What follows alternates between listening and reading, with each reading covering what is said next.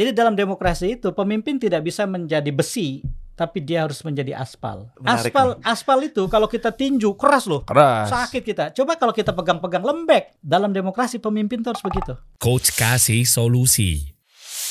Coach Rene. Dari Wah, ini wajah tak asing di depan wajah saya, teman-teman. Iya, kalau cek di Google punya Wikipedia sendiri, berarti itu udah valid bahwa ini toko publik. Kang Ep Saifullah, masya Allah. Terima kasih sudah Ya, diundang. ya, ya, Ini- ya, ya. ini sebelum mulai aja tadi udah udah wow gitu. Tapi eh, nomor satu disclaimer dulu bahwa kita mengadakan ini kan kawan-kawan juga ada yang minta waktu itu. Kapan Ya. nih kasih solusi ngomongin politik? Ya. Cuman karena ini kasih solusi kita nggak akan bahas politik praktis. Ya. Namun dari dari orang yang benar-benar paling berkompeten untuk menyampaikan kaidah-kaidah demokrasi dan politik. Betul. Karena banyak yang Amin, nggak amin. paham, banyak yang nggak paham bahwa ada konsekuensi kita hidup di negara demokrasi dan maksudnya apa sih gitu. Ya. Ini Ya, ya. sekedar jadi pemicu obrolan kita. Ya. Ya. Nah Ya. ini nih, jadi em, nambahin lagi intinya sebelum kita lihat ke layar teman-teman, artinya memang kita bukan politik praktis tapi memang dari lahir kita udah hidup dari kecil ya memang udah harus terima takdir bahwa negara kita ya demokrasi gitu kan. Nah namun bukan ngarahnya ke mana-mana secara praktis ngusung A B C bukan itunya bukan tapi Bukan eh, menang kalah, oh iya dong. bukan siapa Bukan, nanti bukan, bukan. menang, bukan lo dukung siapa. Bukan, bukan. Tapi memang ada edukasi bagaimana cara kita berbisnis, pengusaha-pengusaha menyikapi memang ini negara ini kan negara yang udah memang lahirnya begini gitu loh. Nggak mungkin Anda mau berontak, mau ngerubah apa segala macam gitu kan teriakin bendera hitam putih gitu. Meskipun tulisannya kalimat yang mulia gitu kan, yang dulu juga saya pernah kejebak di ranah itu gitu ya. Tapi kan bukan begitu, merah putih merah putih. Kita harus NKRI gitu loh. Nah itu yang mau jadi pembahasan. Boleh ntar nyambung ke layar. Nah, saya rasa orang yang tepat beliau hadir di sini untuk membahas ini semua, coach. Sebelum kita mulai tadi Kang Eep ini udah kenal lama gitu ya. Dan Sama siapa? aku udah saya udah kenal lama sama Kang Eep alhamdulillah dan eh, kadang-kadang ada ruang dan setiap kali ada interaksi itu selalu ada efek wow gitu ya. Jadi Oh, apa jadi tuh? Kang Ep yang dulu apa Kang Ep yang sekarang? semua gitu dalam perjalanan beliau tuh kayak compiler tahu ya. Compiler tuh eh, menimbun begitu banyak cerita, kisah, data dan diceritakan kembali dengan dengan sangat asik gitu. Nanti kita akan berikan ruang ke beliau dan sebisa mungkin Boleh. supaya nanti nggak dimarahin kita terlalu sering menginterrupt tamu. tapi tapi ada satu yang gong banget sih tadi beliau bilang kita perlu mensyukuri bahwa kita ada di iklim demokrasi karena kita kan komplain banyak soal demokrasi bahkan sekarang karena udah masuk ke ranah politik banyak yang memilih untuk nggak mau tahu karena akhirnya banyak perpecahan yang terjadi. Boleh, boleh profiling sedikit nggak? Terserah nanti Kang Ep mau edit apa enggak di bagian ini. Karena saya penting eh, biar provennya dapat buat para audiens dan ya saya mengingatkan lagi mungkin beliau-beliau juga yang nonton juga pada tahu beliau.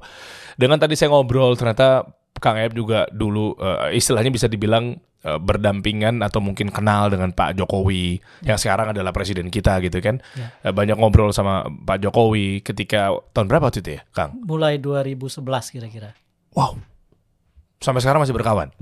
Oh iya, saya Berkawan berkawan, meninggalkan kawan ya. Oke. ya, ya. Oke, Bahwa Pak Jokowi menganggap saya kawan atau enggak hanya Pak Jokowi yang bisa jawab. Tapi dari Kang Eep tidak pernah tidak menganggap Pak Jokowi sebagai bukan kawan. Iya, dan Oke. sebagai presiden saya. Ah, Oh, Masya. Allah. Dulu sebagai apa, Kang? Kok bisa dekat banget sama Pak Jokowi gitu, Pak Presiden kita? Saya pertama kali ketemu Pak Jokowi seingat saya itu Desember 2010 kayaknya ya. Mm-mm. Yaitu ketika Pak Jokowi menerima penghargaan bersama dengan wali kota eh, Jogja, Bung Hatta Award. Hmm. Ya, Oke. Anti Corruption Award itu. Oke. Itulah pertama kali saya ketemu secara personal ya. Lalu kemudian kami saling bertukar nomor dan ternyata kemudian sejarah membuat kami jadi sering ketemu ketika mulai 2011 menjelang akhir Pak Jokowi termasuk salah satu yang sedang ditimbang oleh PD Perjuangan untuk dimajukan di Jakarta dalam Ah. pilkada. Oke. Sementara saya semenjak Oktober 2009 itu kan memimpin mendirikan satu unit usaha yang memang fokusnya ke riset dan konsultasi political marketing. Hmm. Jadi salah satu eh, fokus kerja kami adalah melakukan pendampingan di pilkada Oh, selain, belum. Oke. selain di pileg atau di pilpres. Oh, berarti Anda sebagai konsultannya Pak Ya. Jokowi. Eh, saya dan Polmark Indonesia secara resmi adalah konsultannya Jokowi Ahok 2012. Ah, oke. Nah, kenapa saya mulai dengan profiling ini, Coach? Artinya karena memang mau mengawali ini kan sekarang yang lagi menjabat presidennya Pak Jokowi. Ya, ya. Nah, makanya eh, untuk lebih biar kita lebih dalam ngobrolnya, teman-teman juga tahu kenapa Kang Ep yang eh, kami datangkan ke sini, karena beliau pasti ya tahu lah ring nol itu kan seluk beluk nih gimana sih sekarang di eranya demokrasi buat para pengusaha yang udah kayak begini nih. Kan nggak bisa kita rubah langsung teriak, wah ganti ke pemerintahannya kan nggak bisa begitu. Mungkin gini, Hmm. Der. Kalau mau dicari informasi tentang ring nolnya sekarang, saya bukan orang yang tepat. Oke. Tapi untuk memahami latar belakang kebijakan, kenapa kecenderungannya ke arah sini, Mm-mm. lalu kemudian kenapa langkah-langkah seperti itu yang diambil dibandingkan dengan langkah yang lain, mungkin saya masih bisa eh, bicara Oke. Eh, berbasis pengetahuan dan perkenalan saya yang lumayan panjang dan dalam gitu. Dan Tapi saya tidak terlibat di dalam dekat, tidak, tidak sama sekali. Oh, mungkin orang yang di samping Anda kali ya yang dulunya juga sempat dekat. Ya, ya.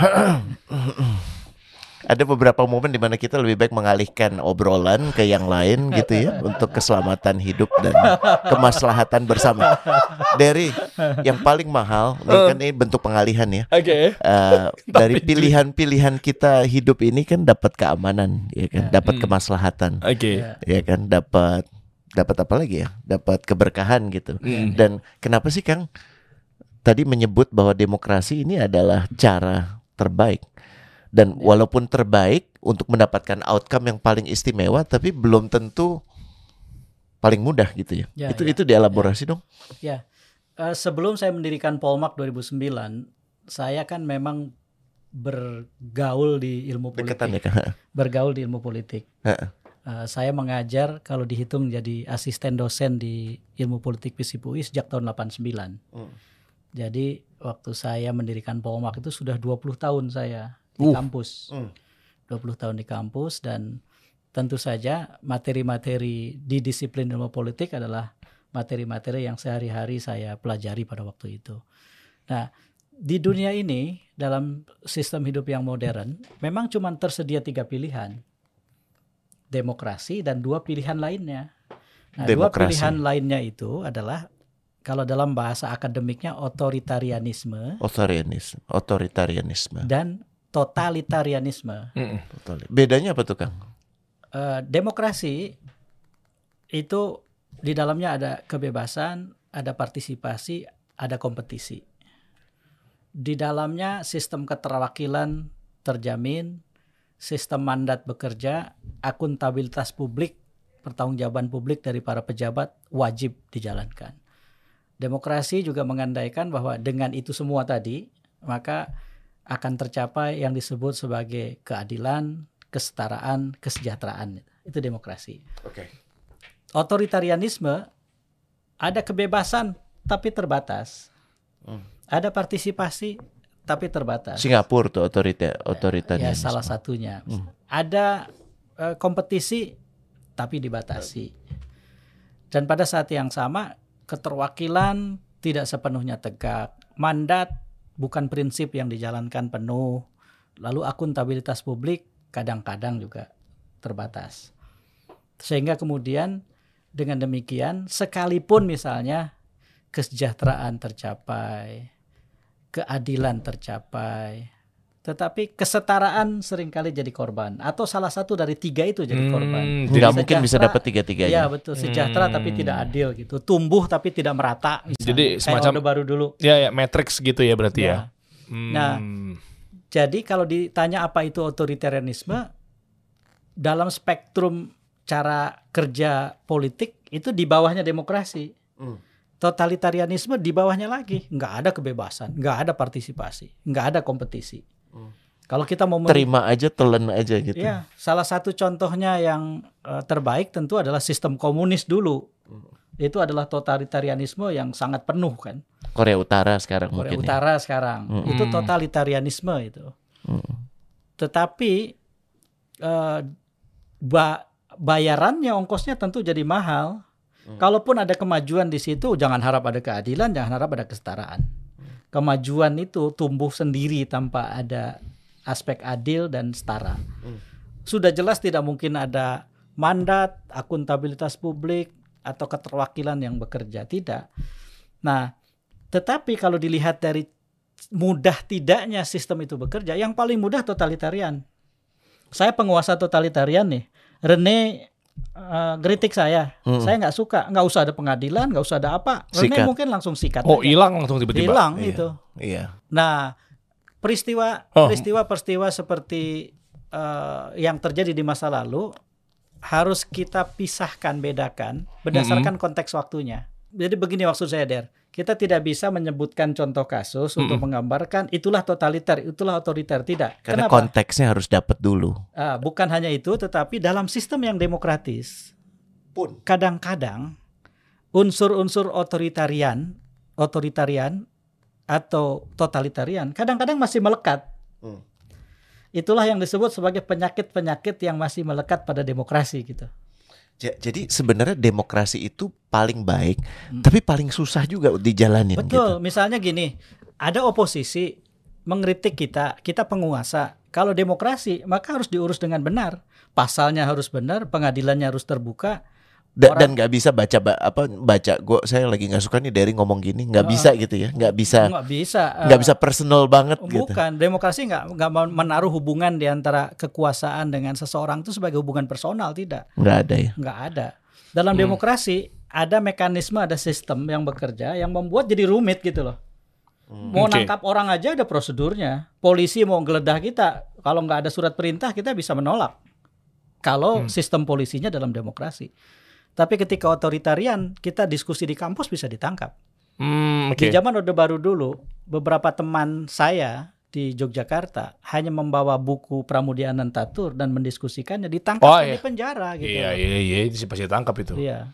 Hmm. Nuku Sulaiman almarhum Hmm. itu kan demo, terus kemudian dia bikin stiker, spanduk, poster memperpanjang SDSB menjadi Soeharto dalam semua bencana ditangkap dia. Ai, ngilo tuh di tahun itu tuh. satu Iya. lagi idola Ah. saya Hmm. eh, Bang Imadudin Ya, betul. Iya kan Terkena juga. iya Sempat- karena sempat memprotes S Porkas juga ya SDSB Ya, Terus Bang Imad itu protesnya memang banyak, banyak, ya akumulatif Eh, dari Imaduddin. mulai ya, Iya, soal tahu, asas tunggal Pancasila segala macam itu sampai ke perjudian Fir'aun Oh, soal Fir'aun jauh sebelum Cak Nun dulu. Iya iya iya Maksud saya begini, ketika kita memilih sistem Hmm. yang bekerja di sekitar kita, pilihannya cuma tiga, demokrasi, otoritarian, atau totalitarian. Kalau kemudian kita mengatakan, wah demokrasi ini banyak masalah, tinggalin aja. Dalam prinsip demokrasi harus hati-hati, sebab Kenapa? mereka yang percaya demokrasi mengatakan bahwa satu-satunya obat yang tepat untuk demokrasi yang sedang sakit adalah membuatnya lebih demokratis. Nah, ini menarik nih diulang diulang kan Oke. Jadi diulang. satu-satunya obat yang tepat satu-satunya jadi nggak ada yang lain nggak ada yang lain. oke Satu-satunya obat yang tepat saat demokrasi itu sakit Sakit sakit, adalah- itu demokrasi adalah kalau berma- demokrasi idenya nggak terjadi cuman wacana aja gitu ya ya. masih nyampur dengan yang otoritarian otoritarian, gitu ya itu. masih ada nggak ada due process Katanya ada kebebasan, aja tapi sebagian orang kebebasannya di diberangus. diberangus Hmm. Katanya ada kompetisi, tapi kandidat tertentu nggak boleh muncul. kayak Ah. misalnya misalnya konten kreator eh, apa eh, harus mengacu Mengacu pada pada sumber-sumber sumber yang tertentu legalisasi, legalisir atau disertifikasi. kayak familiar ya der Iya, memang katanya begitu. Jadi Ya. ada platform-platform ditekan sama itu beberapa penyakit dalam pihak. demokrasi itu. Oh, katanya mau ada keadilan tapi yang boleh kaya dia dia doang gitu kan? Ya ya ya. nah, ya, jadi itu kami sih, kami yang itu, di, di- di- digital nggak boleh kaya gitu. Ya ya, itu Eh, salah itu satu contoh penyakit. penyakit dalam demokrasi. dan obatnya adalah Obat. lebih demokrat Lebih demokratis. lebih demokratis Ya. Jadi mempush ini lebih demokratis ya, mempush itu lebih demokratis. Jadi kalau misalnya konten kreator dibatasi seperti itu dan kita sudah sadar bahwa itu adalah penyakit dalam demokrasi, obatnya adalah jangan diam. Perlihatkan bahwa itu tidak boleh terjadi dalam Hmm. iklim demokrasi kita. Apalagi ini juga belum memang disahkan di peraturan presiden atau perpres. Memang Ya, dia ya. ngincarnya ini adalah pihak-pihak tertentu menggandeng pihak yang lainnya Ya. untuk mengkompori ke Pak Presiden biar menandatangani perpres baru. Ya, Nah, makanya kita yang nyerang bukan nyerang ke pemerintahannya, tapi kita malah nyerang ke pihak-pihak tertentu yang istilahnya dia nggak kebagian kue, dia maunya dia dia doang yang kaya, anak-anak digital tuh harus diregulasi gitu loh. dan mungkin bahasanya kan jadi demokratis demokrasi itu relatively harusnya memang lebih berisik ya Kang ya. Kalau Ya, ingin ya. diam-diam aja, tenang-tenang aja, Ya. ya itu namanya bukan demokrasi gitu. Ya, ya. Kenapa demokrasi itu disebut sebagai sistem yang paling sulit?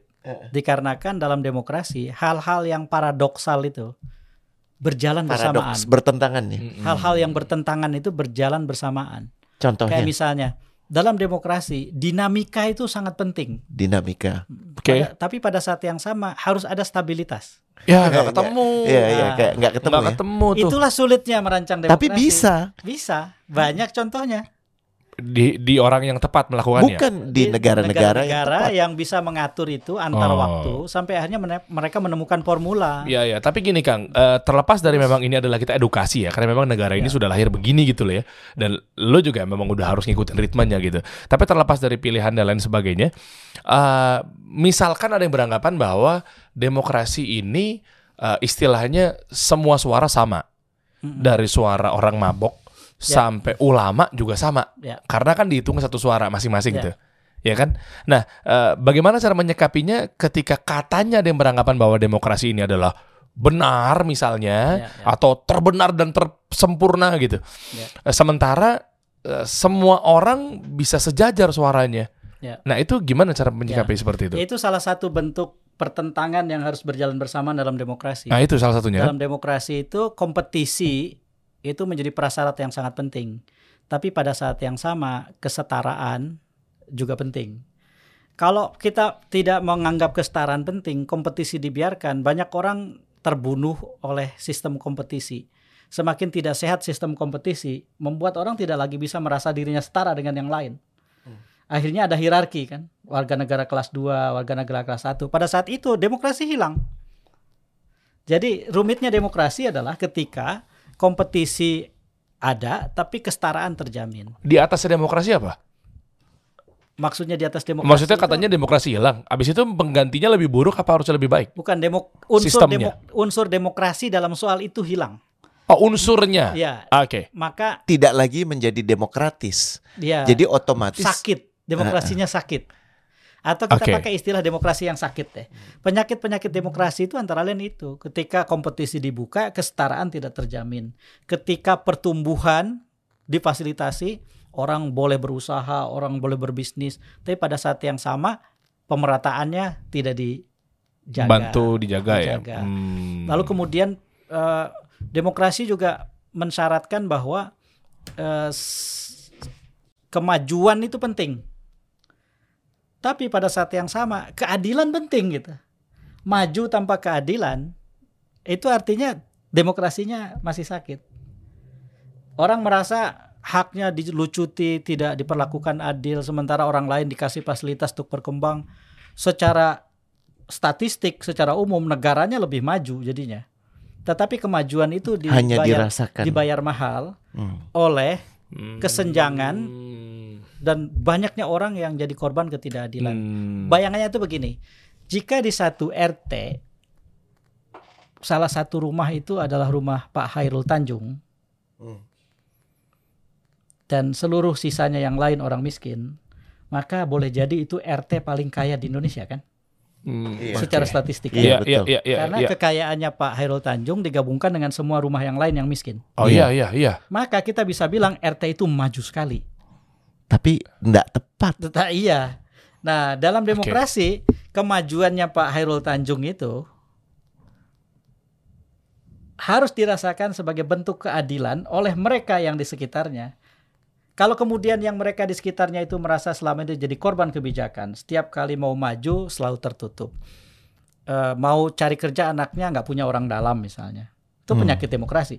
Lalu kemudian ketika ada iklim kompetisi, kok kekuasaan berpihak pada sebagian orang dan menutup keran buat yang lain. Sampai akhirnya mereka jadi miskin. Maka RT yang terkaya itu ditandai oleh kemajuan secara statistik, keadilan yang tidak Nah, itu. tercapai. Dalam Itu demokrasi tidak boleh itu. Jadi Jadi makanya rumit iya, demokrasi iya. itu. Demokrasi itu udah rumit, eh, sulit Ya. ya. Eh, Terus ada keberpihak keberpihakan ke tertentu, kadang di A, kadang di B. Ya, ya. Nah, Hmm. jadi memang dalam demokrasi itu menjadi pemimpin saja tidak mudah. Pasti. Kalau menjadi pemimpin di totalitarian Paling itu kan gampang. gampang. Saya nggak suka Derry kritik saya, tangkap Derry, tangkap. Hmm. Iya kan? Bahkan di dulu di Afrika sana kan ada pemimpin-pemimpin diktator Hmm, yang Tahu, tahu. bahkan melemparkan oposisi yang mengkritiknya ke eh, tempat Iya. Itu apa, Kandang singa. Ya, itu di filmin juga tuh. ke buaya, Hmm. Ke kolam yang penuh buaya gitu kan. Nah, demokrasi nggak membolehkan itu. Nah, dalam demokrasi itu bukan hanya sistemnya yang paradoksal cara kerjanya, tapi pemimpinnya juga harus mengimbangkan dua hal yang kelihatannya seperti seperti bertentangan. Contohnya, dalam demokrasi pemimpin itu harus kuat. Betul. Tetapi pada saat yang sama demokrasi menuntut pemimpin itu lentur. Karena apa? Karena ada kepentingan-kepentingan yang harus Hmm. dia dengar. Oke. Ada aspirasi publik yang harus diakomodasi. Jadi sebagai ilustrasi, kuat itu artinya mengatakan salah itu salah, kamu salah itu kuat. Eh, kuat bukan hanya mengatakan dia bisa mengerjakan apa pun yang dia mau kerjakan. Tapi lentur adalah men- mau mendengar, mau mengakomodasi. Akomodasi mau men- me- menuju ke titik tengah di mana di titik tengah itu kemudian berbagai pihak merasa kepentingannya Iya sih. jadi terjaga. Kayaknya berlawanan ya. Sepertinya berlawanan kan. Kalau saya keras kenapa saya harus lentur gitu. Jadi dalam demokrasi itu pemimpin tidak bisa menjadi besi tapi dia harus menjadi aspal. Menarik aspal nih. aspal itu kalau kita tinju keras loh. Keras. Sakit kita. Coba kalau kita pegang-pegang lembek. Lih. Ya, ya. Itulah yang aspal itu barangkali Iya, adalah iya. zat yang bisa memadukan kekuatan dan kelenturan. Dalam demokrasi pemimpin itu harus begitu. Nggak boleh terlalu lembut kayak jello gitu. Iya, Jadi iya, gini iya. hancur gitu. Iya iya. Kok lo gitu sih? iya, Kenapa iya, gue iya, diomongin? iya, baperan Kok gitu. gitu sih? Gitu. Baperan Iya, gitu. Terus nunjukin foto kayak Ya, zaman ya, dulu ya, pernah ya, ada kan ya. deh. Aku lagi ditembak ya gitu kan. Iya, Ya iya, kan iya. fotoku lagi ditembak itu baper kan. Ya. Jadi memang Tapi demokrasi di sisi lain juga nggak boleh nggak peduli ya Boleh, Kang ya. Aku nggak peduli dari ngomong apa Ya. dari Ya. you're not my constituent. Ya nggak bisa. Karena panjang jenggotmu itu nggak Iya, boleh. nggak ya?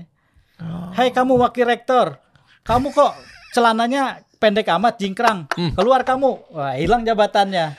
Itu Iya, iya, iya. nggak Wow. bisa. Nah dalam kaitan dengan yang terakhir itu demokrasi pemimpinnya punya eh, syarat lain, persyaratan lain. Dia tidak hanya boleh benar, tapi juga harus toleran. Co- Coba coba Contoh, diulangi contoh. diulangi diulangi ini iya. coba Coba, coba, coba. Benar dan toleran. Benar dan toleran. Kalau benar itu dia yakin benar bahwa apa yang dia kerjakan sikap dia Prinsip-prinsipnya. prinsip-prinsip yang dia pegang itu terjaga. Tapi di luar sana ada orang dengan prinsip yang berbeda. Di luar sana ada orang yang mendefinisikan kebenaran dengan cara yang berbeda, dengan rumusan yang berbeda. Contohnya. Misalnya, Hmm, saya kasih contoh deh Ya. yang kepikir. ya, Alkohol haram. Saya Hmm. pemimpin muslim. ya, ya, ya. Alkohol haram. Ha, ini contoh yang yang yang bagus nih, contoh yang bagus. Maka si pemimpin itu harus memberi kesempatan bagi mereka yang tidak mengharamkan alkohol untuk tetap bisa mengkonsumsi alkohol. Tole, toleransi itu harus tersedia pada pemimpin.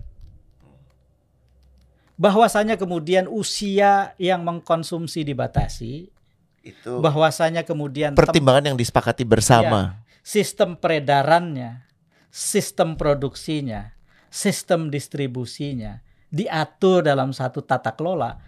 Tata kelola itu, aturan itu tidak boleh memberangus hak para pengkonsumsi alkohol. Walaupun Di saya sebagai individu meyakini alkohol ini haram untuk Haram saya untuk saya. dan semua orang yang mempunyai keyakinan sama dengan saya. ya, Tapi saya harus menoleransi dia yang punya keyakinan berbeda. ya. Hmm, oke. Pada saat kemudian alkohol itu sudah berkorelasi dengan tindakan-tindakan lain yang tidak ada kaitan dengan urusan minum meminum, seperti misalnya kriminalitas, keributan di tengah publik, Nah, baru tuh. pembuat keonaran Oke. segala macam, maka si pemimpin bukan menggunakan pelarangan alkohol dalam Karena urusan agama. itu, tetapi tindakan yang diakibatkan oleh konsumsinya. Ya itu menunjukkan memang di negara ini sebenarnya negara muslim karena mayoritasnya orang muslim, hukum Islam juga berjalan di negara ini.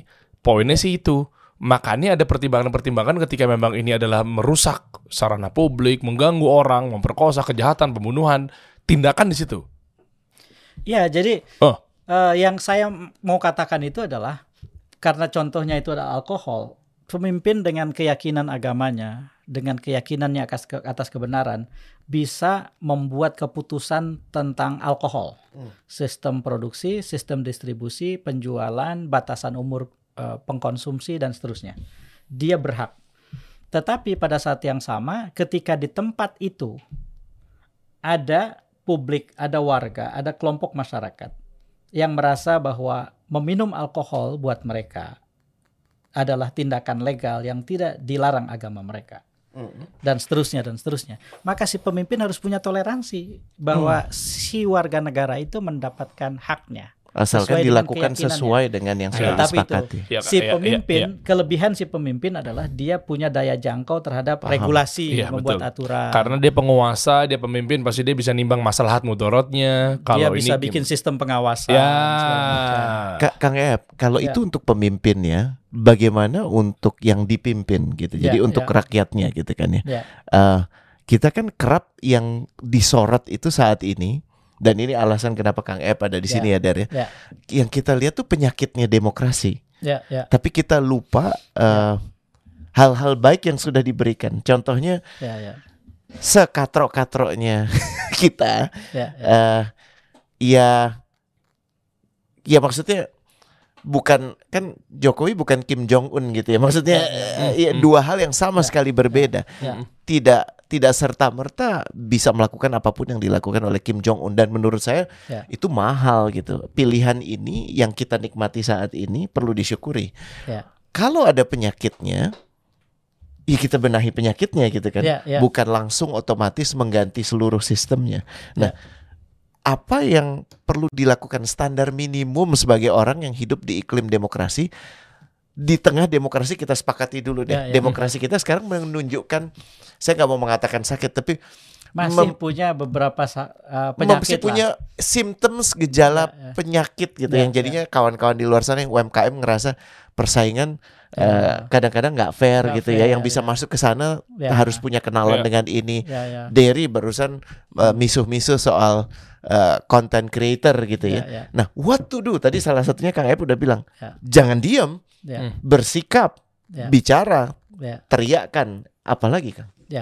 Kita harus mulai dari yang dasar nih, Rene. Hmm. Yang dasar itu adalah bagaimana kita menata pikiran kita, cara pandang kita tentang demokrasi, tentang politik. Banyak orang salah soal itu soalnya. Hmm. Sebab Gimana sebetulnya diumpamakan dalam hidup politik dan demokrasi di dalamnya itu seperti udara. Kita boleh tidak suka karena kualitasnya buruk. Kita boleh mengecam setiap saat karena polusinya dan seterusnya. Tetapi sekali kita meng- berhenti menghirupnya, selesai juga hidup kita. Oh iya, karena memang sekarang ya Jadi tidak ada pilihan Iya, untuk iya. Ya, hidup hidup- tanpa politik dan tanpa demokrasi itu tidak ada pilihan. jadi betul. maksud Kang Ep tuh, Ya kan udara kan memang kita harus udah nikmatin sehari-hari memang itu. Ya. j- jadi politik itu tanpa disadari adalah udara yang Udara. kita sadar atau nggak sadar kita hidup di dalamnya gitu. Ya, Ya. misalnya kita memilih calon presiden A. Hmm. Pemilihan presiden sudah lewat. Ah, nih Dar. Nah, Hmm. lalu yang terpilih ternyata presiden B. Presiden B menaikkan harga BBM. Datanglah kita ke pom bensin, terus kemudian sama orangnya kita bilang, "Eh, saya, Saya- pakai harga yang lama ya, Karena saya nggak milih. karena saya nggak milih dia gitu. Ya, Nggak bisa dong. ya nggak bisa kayak Nggak gitu. bisa. Kan aturannya sudah ditetapkan Ya, lewat jadi gini, perpres. dalam Ya, ya, ya. politik ketaatan kita itu tidak sukarela, tapi mandatori dipaksa. Saya saya bisa tidak suka sama undang-undang yang sudah selesai dibuat dan disahkan, tapi saya nggak bisa tidak melaksanakan itu. Iya, karena memang udah keputusan presiden. Mengikat. Yaitu Eh, Penguasa, penguasa yang Itulah yang disebut sebagai udara itu kita nggak bisa menghindar. Iya. Pilpres kan ada prosesnya, ada undang-undangnya tuh. Hmm. Terus akhirnya sampai di ada dispute di MK gitu ya, digugat ke MK sampai kemudian keluarlah keputusan yang inkrah Mm, yang berketetapan hukum tetap. mm. Jadilah seseorang presiden. Kita tidak bisa tidak terima. Nah, Itu tapi coach, ini ya. berlaku sebaliknya loh. Hmm. Berlaku sebaliknya. Cara berpikir yang sama harus dimiliki oleh yang bersangkutan yang terpilih jadi presiden itu. Ah. Kalau dia dipilih oleh 57% pemilih, bukan berarti dia harus melayani 57% loh. Dia melayani 100%. 100% plus plus. Di mana plus plusnya? Plus-plusnya itu kalau misalnya pilpres itu 80% partisipasinya, yang 20% nggak partisipasi harus dilayani. Karena masih belum boleh belum bisa milih. Bukan, di- dia tidak sah misalnya, Tidak dia sah. tidak datang ke TPS 20% katakan. Iya. Itu harus dilayani.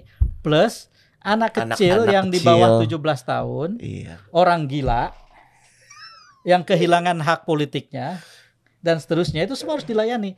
Jadi ketika kemudian nah ini, ketika kemudian ada partai tertentu yang mengatakan presiden itu pekerja partai dia.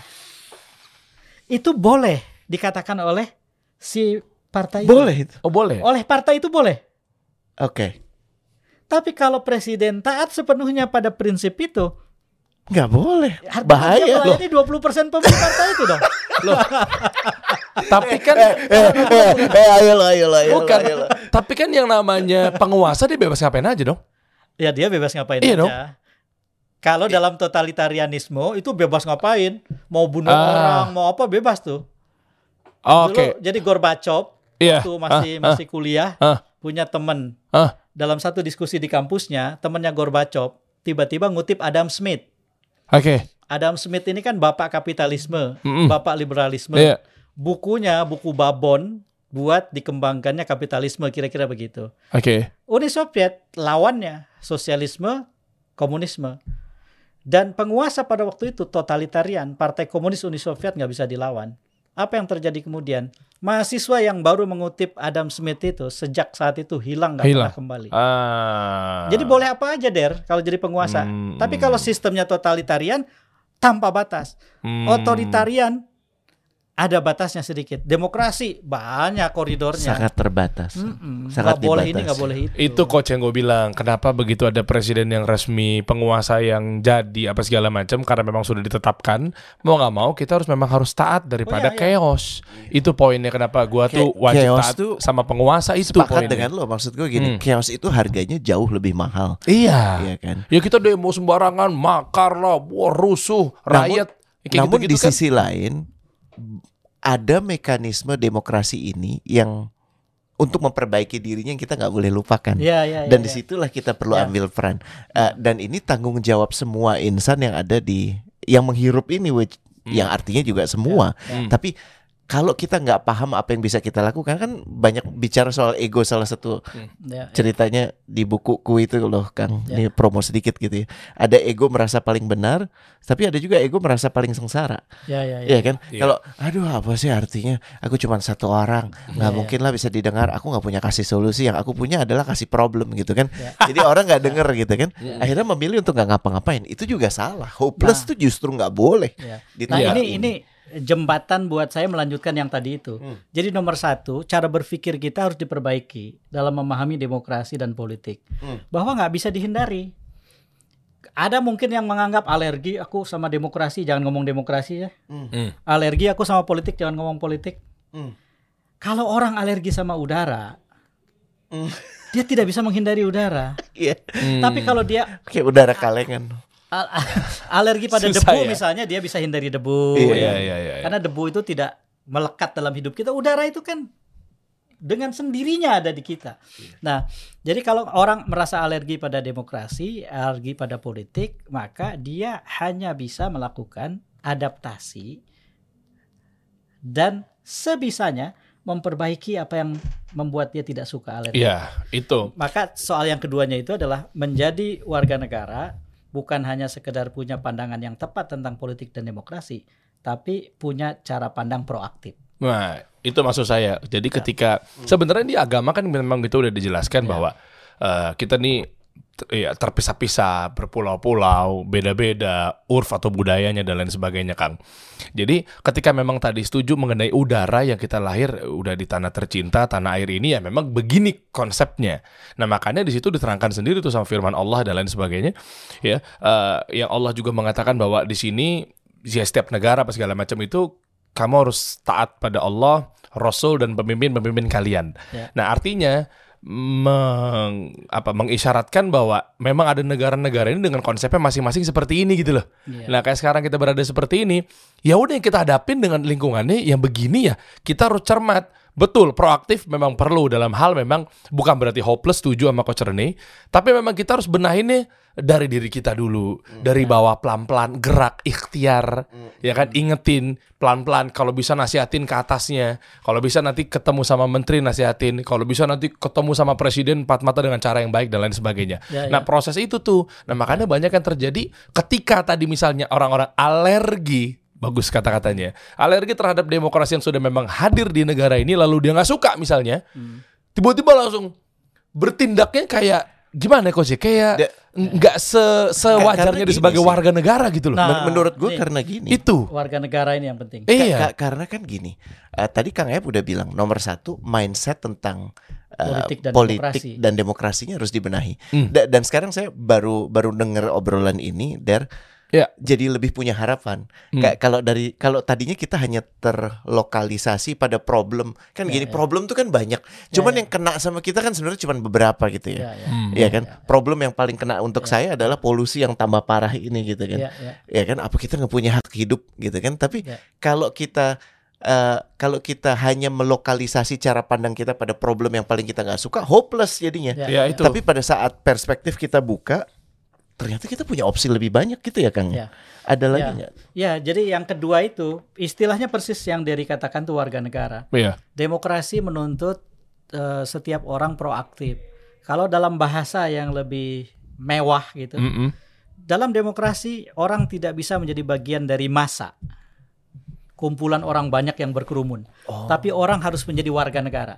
Apa itu warga negara? Ada beberapa cirinya kalau disederhanakan. Nomor satu, warga negara adalah setiap orang yang tahu persis haknya dan pandai menjaga haknya sendiri. Itu satu. Hmm. Jalan ke rumah dia rusak, dia tahu itu haknya. Sebagai warga negara, dia bayar pajak dan pajak itu harusnya diper- dipakai memperbaiki fasilitas publik. Kok jalan ke rumah saya masih rusak terus? Maka dia tidak diam, dia bikin surat pembaca.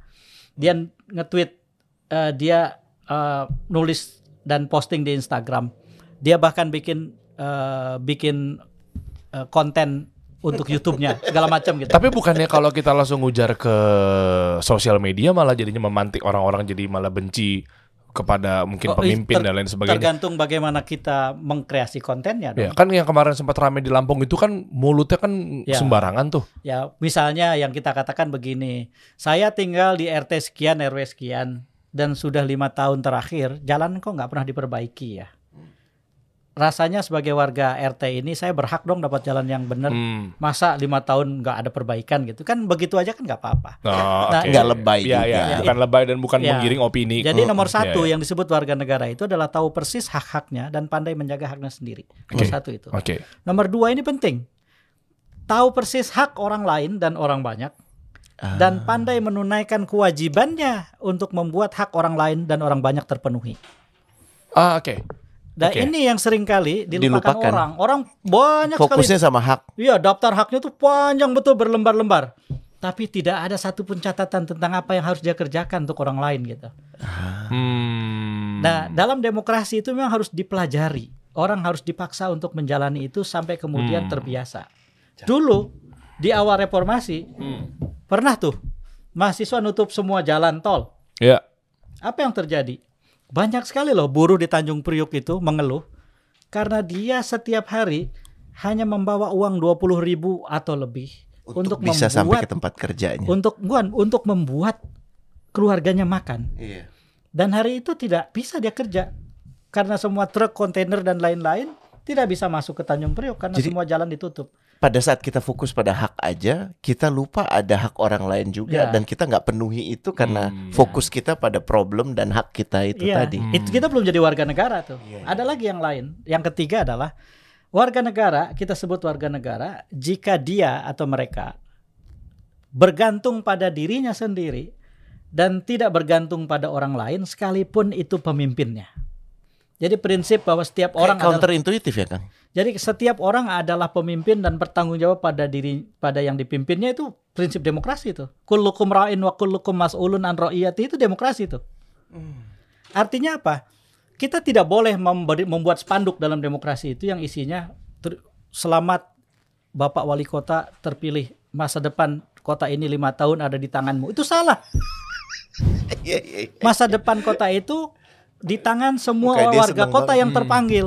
Hmm, hmm, hmm, hmm, hmm, hmm, hmm. Itu masuk prinsip ketiga warga negara tuh bahwa Hmm. orang tidak boleh menitipkan perjuangan pada pemimpinnya dengan eh, eh, untuk eh, membuat dia punya alasan nggak ngapa-ngapain gitu loh. Hmm, iya, Jadi iya, iya. tidak boleh bergantung pada orang lain sekalipun orang itu pemimpin kita.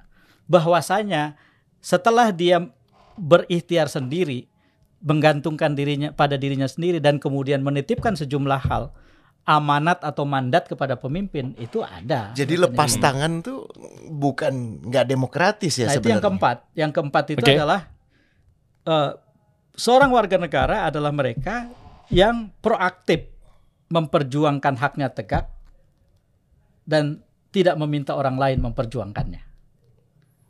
Contohnya termasuk ketika memang ada ada kesalahan pada pemimpin-pemimpin kita, penguasa-penguasa kita di Ya. negeri ini, kita mungkin bisa ada celah untuk nasihatin, nasihatin Oh dengan iya, yang iya, baik, betul, betul. dengan cara Ya. yang baik itu. Betul. Termasuk itu. kalau kalau Mempengaruhi. kalau saya Ah. ditanya nih, apakah saya taat kepada Presiden Jokowi sebagai kepala negara saya? Saya taat. Hmm. Taat sepenuhnya. Tetapi konstitusi menjamin kebebasan saya untuk berpendapat kalau saya punya perbedaan pendapat menyangkut apa yang diprogramkan, apa yang dijadikan kebijakan, apa yang dijalankan. Jadi bukan sekedar menyelisihi dia, Iya, iya. tapi menyelisihi apa yang dikatakan karena ada basisnya juga. Betul. Lagi-lagi ini bukan masalah pribadi ke pribadi, Bu ya, tapi ya, betul. peran ke peran. Betul, betul. Jadi kalau misalnya saya bilang Pak Jokowi itu luar biasa dalam soal infrastruktur, sayang infrastruktur sampai dengan sekarang belum memenuhi tiga aspek. Satu, belum tuntas menciptakan interconnectivity antar daerah. Yang kedua, belum bisa menghubungkan secara langsung pembangunan infrastruktur dengan penyejahteraan rakyat secara konkret di banyak tempat. Nomor tiga, belum bisa menjadikan kemajuan infrastruktur itu dengan menjadikan desa-desa di Indonesia sebagai pusat pertumbuhan baru. Dan itu nggak ini- salah saya. Ini haknya eh, Hak saya yang dijamin warga konstitusi. Oke, tapi itu begitu diposting di sosial media, em, apakah itu tidak memantik atau memancing orang-orang jadinya ikutan malah mengujar eh, ikutan-ikutan kebenci pada Demokrasi memberi penguasa. fasilitas itu. Iya, cuma mungkin dengan cara yang apalagi dipakai sama orang-orang yang Lampung kemarin itu kan caranya kan terlalu parah. Kalau begitu terlalu ke kiri banget juga membahayakan untuk yang eh, lainnya juga. Jadi akhirnya mereka kesundut sumbu kompor pendek apa segala macam itu. Ya itu tadi kan racikannya adalah kita harus jaga hak kita, tapi Hmm. kita penuhi kewajiban kita ke orang lain. Oke. Eh, misalnya seorang gubernur punya punya punya hak loh gubernur itu Ya. untuk dinilai Besar. secara adil gitu, Besar. untuk tidak difitnah, besar, untuk tidak, tidak, dihina. untuk Ya, tidak ya. dihina. Setuju. Itu tuh hak mereka tuh. Kita punya kewajiban untuk memenuhi itu. Mm. Jadi eh, dalam demokrasi yang disebut prinsip berwarga negara tidak mudah dan yang terakhir yang disebut warga negara itu adalah setiap orang yang melawan secara beradab, melawan secara sehat berdasarkan prinsip-prinsip kemanusiaan yang beradab kepada siapa pun yang berusaha memberangus haknya. Melawan secara beradab tuh saya, Misalnya, saya, saya ya, coba memahaminya, Ya, ya. mengkontekskannya Gimana caranya Me- melawan beradab tapi baik dan gitu. manusiawi gitu. Jadi maksudnya saya tahu ini salah, Ya. saya suarakan. Ya. Eh, sebatas saya menakar kira-kira respon orang ini akan seperti apa gitu. Itu bisa Ya. nggak disebut eh, beradab kan? Karena saya ingin menjaga gini. Karena kan saya bisa ngukur ya. Kalau dari pakai kacamata, kayaknya intelektual. Oke, saya debat nih di tempat ini bisa. Hmm, hmm. Tapi kalau dari kacamata dicopot, terus ada Ya, tato, terus bawa pisau gitu kan. Makanya Saya mendingan nggak ngomong gitu kan, Ya. karena kalau saya ngomong nanti akhirnya saya harus bawa pistol untuk buat membuat dia mendengar gitu. Ya. Itu itu ya, atau yang- pragmatis atau kan manusiawi? memberangus hak itu ada hubungan horizontal vertikal. Kalau Hmm. horizontal orang lain, pihak lain yang sejajar dengan kita yang tidak punya otoritas melanggar hak kita. Mm-mm. Itu kan tadi contohnya. Misalnya menghadapi preman, menghadapi orang baik, Itu intelektual, horizontal. Horizontal. Ada juga yang vertikal. Misalnya gubernur membuat satu kebijakan, ternyata ada unsur korupsi di dalamnya dan kita mau mengatakan jangan dong, masa korupsi untuk gituan gitu. Hmm. Misalnya misalnya nih, ada satu jalur kereta dibuat nih misalnya. Ternyata saya sebagai warga negara dengan data yang memadai menemukan bahwa itu ada unsur korupsi. Hmm. Saya bakar deh stasiunnya. Nah, itu yang tidak beradab. Hmm, tetap Tapi kalau kemudian tetap kalau saya bilang, tahu. Oke. kalau saya bilang kemudian saya saya tulislah di WhatsApp grup eh, berdasarkan sumber-sumber ini, eh, saya menemukan data berikut. dan seterusnya. Dengan demikian, dengan mudah saya bisa simpulkan bahwa ada praktek penyelewengan keuangan negara dalam kasus ini. Oleh karena itu saya memprotes sebelum urusan ini diselesaikan dan diluruskan masalah ini, sebaiknya proyek ini jangan dulu dilanjutkan dong. Dan gitu. Pak Gubernur punya hak untuk merespon itu Iya, dan mengatakan bahwa Oh, nggak bener tuh datanya EF salah, gitu ya datamu ya, ya. eh, ini saya sudah perbaiki dengan data ini tolong Ya. ditakar kembali jadinya nah, itulah yang dialektika beradab. ya. Itulah yang beradab. Hmm, Paham, Oke. Ya. Oke. Jadi kita tidak bisa eh, misalnya memponis sepihak orang lain, ya sejajar maupun ke atas ya. Misalnya ke orang lain kita bilang, kamu itu memang. Nggak bisa diharapin kamu itu ya. Eh, kamu itu ya. Gitu. Eh, kita tidak bisa ngomong begitu aja ke orang, Ya. terus punya ekspektasi bahwa itu vonis final yang kita keluarkan tanpa orang lain akan bereaksi. Oh, ini inilah demokrasi, ya konsekuensi. Kalau di Begitu totalitarian gitu. Kalau ada keluar segala macam, itu ada konsekuensi dalam sistem demokrasi dalam proses itu. Nah, yang sering kali saya Iya, iya, iya, yang sering kali saya khawatirkan itu adalah bahwa orang yang sedang melakukan sesuatu bisa jadi dia itu bagian dari penyakit demokrasi atau dia sedang menyediakan obat obat yang pahit. yang pahit buat demokrasi. Nah, itu Paham. harus bedain Hmm. tuh. Karena gini, kebaikan demokrasi itu tidak akan terjadi kalau semuanya hanya ya udah boleh. Oke deh, Bapak pemimpinnya Bapak Ya, ya, benar. Ya, ya, Walaupun kita secara moral tahu itu salah, semuanya kita tahu salah, tapi kita memilih untuk nggak ngapa-ngapain, bahkan membenarkan gitu. ya. Tapi di sisi lain, kita juga nggak boleh langsung obong gitu, Ya, langsung ya, ya. Ngomong langsung oh, turun bakar, bakar. bakar, langsung Hmm. makar, langsung turun ke jalan. Ya. Pokoknya Ya, nggak ya. mau tahu gue yang paling benar, lo semua salah. Ya. Itu juga Ya, ya, nggak ya, ya. boleh gitu ya, ya. ya, ya. Itulah rumitnya demokrasi itu. Ya, Karena dalam demokrasi itu eh, segala sesuatu sifatnya interaktif. iya, iya, iya. Eh, saya ambilkan contoh yang relate sama yang sedang sedang berkembang di luar sekarang kan. Ya. Ketika misalnya seorang kepala negara disebut dituduh menjual negara, Mm, lalu kemudian ada warga negara yang menyuarakan itu, mm, ya tambahannya menggunakan kata-kata yang sarkastik. Kita harus cepat-cepat bisa merumuskan nih warga negara itu sumber masalah atau penyakit demokrasi Atau atau, dia sedang mencari obat yang pahit buat demokrasi. Hmm. Pada saat itu kita bisa memosisikan diri kita dengan lebih sehat. Nah itu berarti balik lagi kalau membenahin itu dari bawah dan harus cocok juga kan memang pemimpin itu cerminan rakyatnya. Ya, Berarti ya. kalau rakyatnya itu memang udah kita kumpul sama orang-orang yang baik, kita bersatu dengan yang baik dan lain sebagainya, ngingetin bahwa ini adalah Ya. praktek korupsi, bahwa ngingetin ini adalah dana yang tiba-tiba masuk ke transfer ke rekening Anda, ayo balikin dong kalau memang bukan hak Anda dan seterusnya itu kan eh, kita kumpul, kita ngasih tahu bahwa orang-orang jadi secara nggak langsung mereka akan melihat bahwa oh kalau ini berarti yang pas kayak gini nih itu poinnya. ya, ya. Ah, berarti kalau untuk dampak ke pengusaha itu sendiri gimana? Ya. Dengan adanya nanti 2024 dengan Ya. eh, sekarang konsepnya adalah di tahun politik misalnya Ya. dan lain sebagainya. Lo nanya untuk milih siapa? Bukan dong, bukan. Enggak, enggak, enggak. Bukan. Saya nggak lagi ngarah ke sana, teman-teman. Tapi lebih kepada pengusaha nih gimana nih? Kadang di A, B, C juga apakah nggak ada dampak apa-apa? Nggak masalah. Gue yang penting gue jalan-jalan aja. Gue taat pajak kok. Gue nggak ngurusin Lo nanya begini, cara beginian. ngukurnya ya. Iya, ya? iya itu itu. ya, Itu. Soalnya sementara kan kayaknya pengusaha juga ke sini ke sini ke sini juga kayaknya nggak ada dampak apa-apa gitu. Saya, saya maaf sih sebelum Kang Ep jawab nih ada salah orang-orang kayak Derry sih sebenarnya. Kenapa sih? Ya, Ada karena apa? orang-orang kayak Derry itu yang bentuk brand kan. Jadi simplifikasi. Lo sendiri yang bilang kan kasih solusi itu kan simplifikasi bentuk dari memberi solusi gitu. Iya. kan. Cuman kan kasih solusi itu kan banyak. Ya, ya. Tiga calon ini kan ataupun empat atau lima mungkin nggak kan? Nggak tahu Jangan sih. langsung tendensius ketiga Iya, kan? dong. Ini kan contoh aja. Tiga calon ini kan belum ada namanya juga. Iya iya iya. iya. Ya, mungkin ya. ada empat, mungkin ada lima.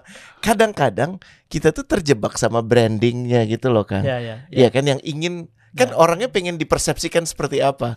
Ya. Eh, Kalau dia punya duit gede ya pasti gampang lah ya tinggal Hmm. tinggal me- me- Ya. mengambil momen-momen itu Ya, gitu. ya. Nah, kita sebagai warga negara ini gimana nih?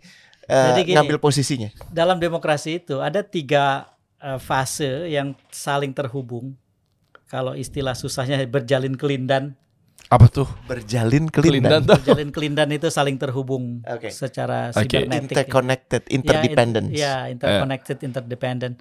Eh, satu sama lain yang saling berhubungan terus menerus. Tiga hal itu adalah eh, pembentukan kekuasaan Pembentukan kekuasaan. atau membentuk kekuasaan. Yang kedua menjalankan kekuasaan.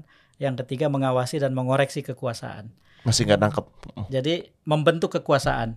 Kita bikin pemilu, ada partai politik, kita milih orang, orang yang terpilih membentuk kabinet itu semua membentuk kekuasaan. Oke. Tapi menjalankan kekuasaan adalah antara satu pemilu dengan pemilu berikutnya lima tahun. Itu kita menjalankan kekuasaan, kebijakan dibuat, langkah-langkah pemerintahan dibuat, prioritas dibikin, Hmm. sikap terhadap pengusaha dibikin, fasilitas untuk pengusaha dibikin, sistem pajak diciptakan, eh, iklim investasi dalam negeri dibangun, iklim investasi untuk luar dibangun. Itu semua menjalankan kekuasaan. Tapi pada saat yang sama ada proses lain yang berjalan, yaitu mengawasi dan mengoreksi kekuasaan.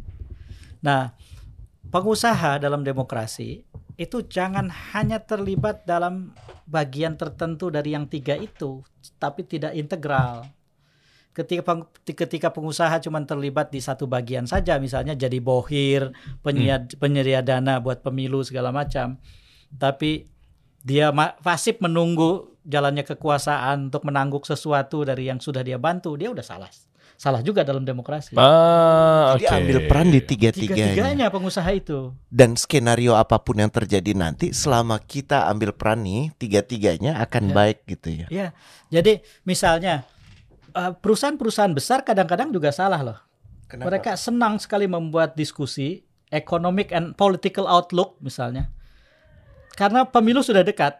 Tapi ketika Tapi sebelumnya nggak bikin ya, ketika, ketika pemilu Bener udah juga. selesai, Jadi seasonal. Iya, ya, iya, iya, ketika iya. pemilu sudah selesai, setiap setiap tahun Bagi kue aja. Berjalan. ada udah. Ya udah dividen aja. penting lagi seolah-olah gitu. Dividen aja dividen. Ayo ayo ayo gitu. ya. Kan gue dukung lo kemarin. Iya. Terus kemudian pada soal koreksi pengawasan apalagi nggak mau terlibat itu. Allah. Kalau ada orang yang mengoreksi apaan sih bikin ribut aja gitu. Padahal Atau jangan- anak buahnya ingin mengekspresikan sesuatu nggak Ah, boleh. Iya gitu ya. iya iya iya. Jadi sebetulnya yang harus diperbaiki itu amat mendasar dalam demokrasi kita itu, termasuk perilaku setiap unsur atau elemennya, termasuk pengusaha. Hmm. Pengusaha itu harus menjadi pengusaha yang sadar demokrasi. Oke, maksudnya pelaku gimana? demokrasi. Maksudnya Itu gimana? tadi pengusaha terlibat dalam pemilu, terlibat dalam pilkada, terlibat dalam proses ketika kontestasi terjadi itu orang berebut jabatan segala macam terlibat wajar. Kalau dia memilih nggak mau terlibat. Wajar juga Oke. sama seperti orang datang ke TPS atau tidak datang ke ah, TPS ah, ah. itu sejauh bertanggung jawab sama nilainya. Hmm. Yang yang jelek itu yang tidak ada nilainya adalah melakukan apa pun baik terlibat maupun tidak tapi tidak ada tanggung jawabnya, tidak iya, ada pertimbangannya gitu loh. Betul. Atau pertimbangannya hanya untuk haknya Ah, dia. Pertimbangannya sangat parsial, kelompok, eh, mengacu pada kepentingan yang sempit, itu juga keliru gitu. Hmm. Nah, ketika kemudian kekuasaan berjalan, maka menurut saya para pengusaha itu juga harus mau berdemokrasi dalam proses itu. Misalnya perusahaan-perusahaan rokok. Kebetulan nih misalnya ketemu presiden baru yang sadar benar untuk men, meng, eh, mengkonvergen- mengkonvergensikan, mencarikan titik temu dari kepentingan industri rokok dengan kesehatan, publik Kesehatan publik. kesehatan publik. Maka dibuatlah sejumlah kebijakan yang kelihatannya menjadi lebih ketat. Misalnya cukai rokok dinaikkan Hmm. sehingga kemudian tingkat konsumsi rokok diharapkan turun Hmm. karena daya belinya kelewat Hmm. oleh umumnya masyarakat. Ya, itu. ya kayak di Singapura kan rokok mahal banget tuh. mahal banget. Oh, iya, Terus iya. kemudian pembatasan ruang-ruang publik yang boleh dicemari oleh asap rokok. Atau mempermalukan ahlul hisap gitu kan. Ahlul hisab. Tempatnya kan ada di Iya, area-area iya, tertentu. iya, Ya, ya, ya. Ya, yang sering oleh sebagian teman saya disebut sebagai ruang bunuh diri massal gitu. Karena mereka memegang rokok yang tulisannya adalah rokok itu membunuh. Untuk yang tadi di sini udah cabut ya. Apalagi keputusan itu dari pemerintah ya. Rokok Iya, iya. membunuh kan dari izin pemerintah ya. Nah, misalnya pengusaha rokok. Lalu kemudian pemimpin baru ini membuat kebijakan itu, maka mereka boleh itu mengorganisir riset, membandingkan berbagai negara, membiayai kegiatan-kegiatan non-government organization untuk membuat kepentingan mereka terwakili dalam pembuatan kebijakan dalam industri rokok. Hmm. Ketika itu dilakukan sehat oleh semua pengusaha tuh, pengusaha itu terlibat dalam menjalankan kekuasaan. Hmm. Pengusaha yang sama dulu membantu si A, si B, si C pada saat pilpres misalnya. Hmm. Dukungan mereka beragam, katakanlah begitu. Mereka terlibat dalam membentuk kekuasaan, dalam melaksanakan kekuasaan secara sehat mereka Libatkan diri juga dong. Iya. Hmm. Yang celaka adalah kalau ternyata pemimpinnya sendiri tidak pakai cara demokrasi, dibayar sama pabrik rokok, terus kemudian nggak pernah lagi memikirkan mengkompromikan industri Itu. rokok dengan kesehatan Ya, publik. itu contoh dibayar sama pabrik rokok. Ya. Ada lagi misalnya, bisa juga kan di- dibayar sama mafia media, biar media yang boleh kaya tuh yang ini ini aja. Ya, Bi- ya, ya, ya. biar media yang bisa bersuara tuh yang ini ini aja. Biar media yang Ja- kelihatannya di- yang boleh dipercaya tuh kami kami aja. Yang Nah, gitu gitu. pengusaha- Jangan diam. Pengusaha-pengusaha media atau pelaku media, konten kreator dan lain-lain Hmm. yang merasa tidak menjadi bagian dari media besar Ya. yang sedang mengambil kesempatan itu harus proaktif Untuk ngasih untuk melawan itu. melawan si si Iya. si, si penggoda Dengan penggoda cara ini. apa tadi? Beradab sehat. Hmm. Bikin Iya, iya. Ya. bikin pertemuan, obrolin. Ya. Padahal lucu ya Ya. tadi Kang Ep udah bilang untuk para konten kreator itu yang eh, nggak bisa berdampingan dengan media besar gitu ya, bener ya? Lihat ya, highlight ya media besar. Kan udah besar ya, ngapain ngurusin yang kecil ya? Anda udah kaya, masa sih nggak mau ngeliat kita nggak boleh kaya gitu? Lo yang Gimana ya? satu hal yang lo nggak paham Kan dia besar, masa ngeliat kita orang justru Der. kan dia bilang konten kreator kecil. Der, Hah? Prinsip kerakusan tuh lo belum paham artinya. Oh iya, Prinsip iya, kerakusan Nah, itu ya manusia- sudah diberi ya, satu betul. gunung emas, Iya. akan minta gunung emas Memang berikutnya. Tidak ada yang terlalu begitu. kecil, Iya, tidak ada yang ini, terlalu besar. ini bisa dipakai untuk melanjutkan kriteria pemimpin yang demokratis tadi. Gimana tuh kan? Gimana? Tadi Nah, kan ini menarik. Semangat bilang. banget kok ceritanya. Semangat Kan banget. kuat tapi harus lentur, Betul. ya kan? Hmm. Terus kemudian benar tapi harus toleran. Toleran. Nah ini yang kaitan dengan pembicaraan terakhir. Dia baik tapi juga harus bijak. Ah, Di- ada diulangi, juga, diulangi, ada diulangi, juga orang yang orang ya, saya nggak langsung tendensius ke mana ya. Ada juga orang yang kelihatannya baik, lugu, tapi dalamnya bengis. Ya. Kalau itu Siapa, soal lain lagi. Ya kan ada orang siapa pun itu kelihatan, ya nggak tahu siapa? Jangan gitu dong, jangan diarahin. Tiga huruf, dua huruf. kan tapi maksud loh, gue gini. loh, lo enggak enggak enggak. Kalau. Kang Ep bilang tadi katanya harus yang baik dan lentur, harus yang Enggak, begini enggak. begini. Baik dan juga- bijak. Baik dan bijak. Lah, tapi kan ada juga yang casingnya kelihatannya baik, kelihatannya lugu. Problemnya kan nggak kelihatan karena Ya. printernya branding orang-orang kayak lo kan. Eh, Diam lagi dia. Iya kan? Ya. Eh, Gimana cara bedakan bahwa ini benar-benar tulus, ini adalah pencitraan, ini adalah playing victim atau tidak, kamuflase. Eh, Ini kayak gini-gini kan susah dibedakan karena semuanya dianggapnya lugu, baik di mata rakyat. Itu aja poinnya. Ya, salah satu hal yang dalam demokrasi kita harus sangat hati-hati itu adalah ketika kompetisi terjadi, ketika kontestasi terjadi, ketika kandidat ini dengan kandidat itu dan kandidat yang lain saling bersaing, eh, waktu persaingan itu pendek. Waktu persaingan yang pendek memaksa kita sebagai pemilih untuk menyimpulkan di hari H. Kalau nanti kan 14 Februari 2024 tuh Insya Allah. kita nggak bisa tuh bilang aduh saya belum eh, final nih pikiran saya saya nyoblosnya 15 Maret deh nggak bisa Gak bisa, gak bisa. Nah. Gak bisa bro, gak bisa. waktunya pendek salah satu konsekuensinya apa di dalam political marketing yang disebut branding itu se- sebetulnya kan menghubungkan tiga titik kan positioning diferensiasi sama branding ketika positioning seseorang bertemu dengan eh, diferensiasinya maka tumbuhlah apa yang disebut identity kan Hmm. ketika diferensiasinya nyambung dengan branding terbentuklah image Iya. citra Betul. ketika brandingnya terhubung dengan Hmm. positioning terhubunglah integrity integritas waktu yang pendek itu sering kali hanya bisa membuat kita melihat salah satu dari yang tiga itu Jadi Kenapa kita harus tiga ya? meneliti yang tiga? Eh, kok Kok yang dua Identitas. lain? Oh, citra dan integritas Oke. Dulu catat-catat. Nah, identitas, citra, dan integritas itu harus kita lihat lewat proses tertentu yang layak. saya misalnya mau jadi gubernur di satu tempat, saya bisa mencitrakan bahwa saya bisa menyelesaikan kebakaran hutan dalam waktu pendek misalnya. Hmm. Dengan cara apa? Ngomong meyakinkan, kasih program yang meyakinkan, dengan didukung oleh banyak sekali hal, argumen maupun data yang meyakinkan, dan kemudian pemilih pada hari hanya ketika waktu sudah habis, dia ketika menyimpulkan siapa ya calon gubernur yang paling bisa mem- memadamkan kebakaran hutan, larinya ke saya. Kenapa? Apakah karena saya memang bisa punya kemampuan memadamkan kebakaran hutan? Bukan. Apakah karena saya punya track record integritas sebagai pemadam kebakaran hutan atau penjaga Wah, lingkungan? iya, Enggak. Juga. Tapi karena saya berhasil membangun citra dalam waktu pendek itu bahwa sayalah yang paling mungkin untuk Nah, memadamkan itu. kebakaran hutan. Branding. Jadi kuncinya memang eh, story-nya mungkin harus kuat, Nah. identitinya harus eh, jelas, Nah, ya, jadi image-nya nah, nampak. iya. kaitannya dengan Derry ini adalah mereka yang bergerak di branding itu juga harus demokratis. Hmm. Oke. Apa itu ciri seorang pembentuk brand yang demokratis dan tidak?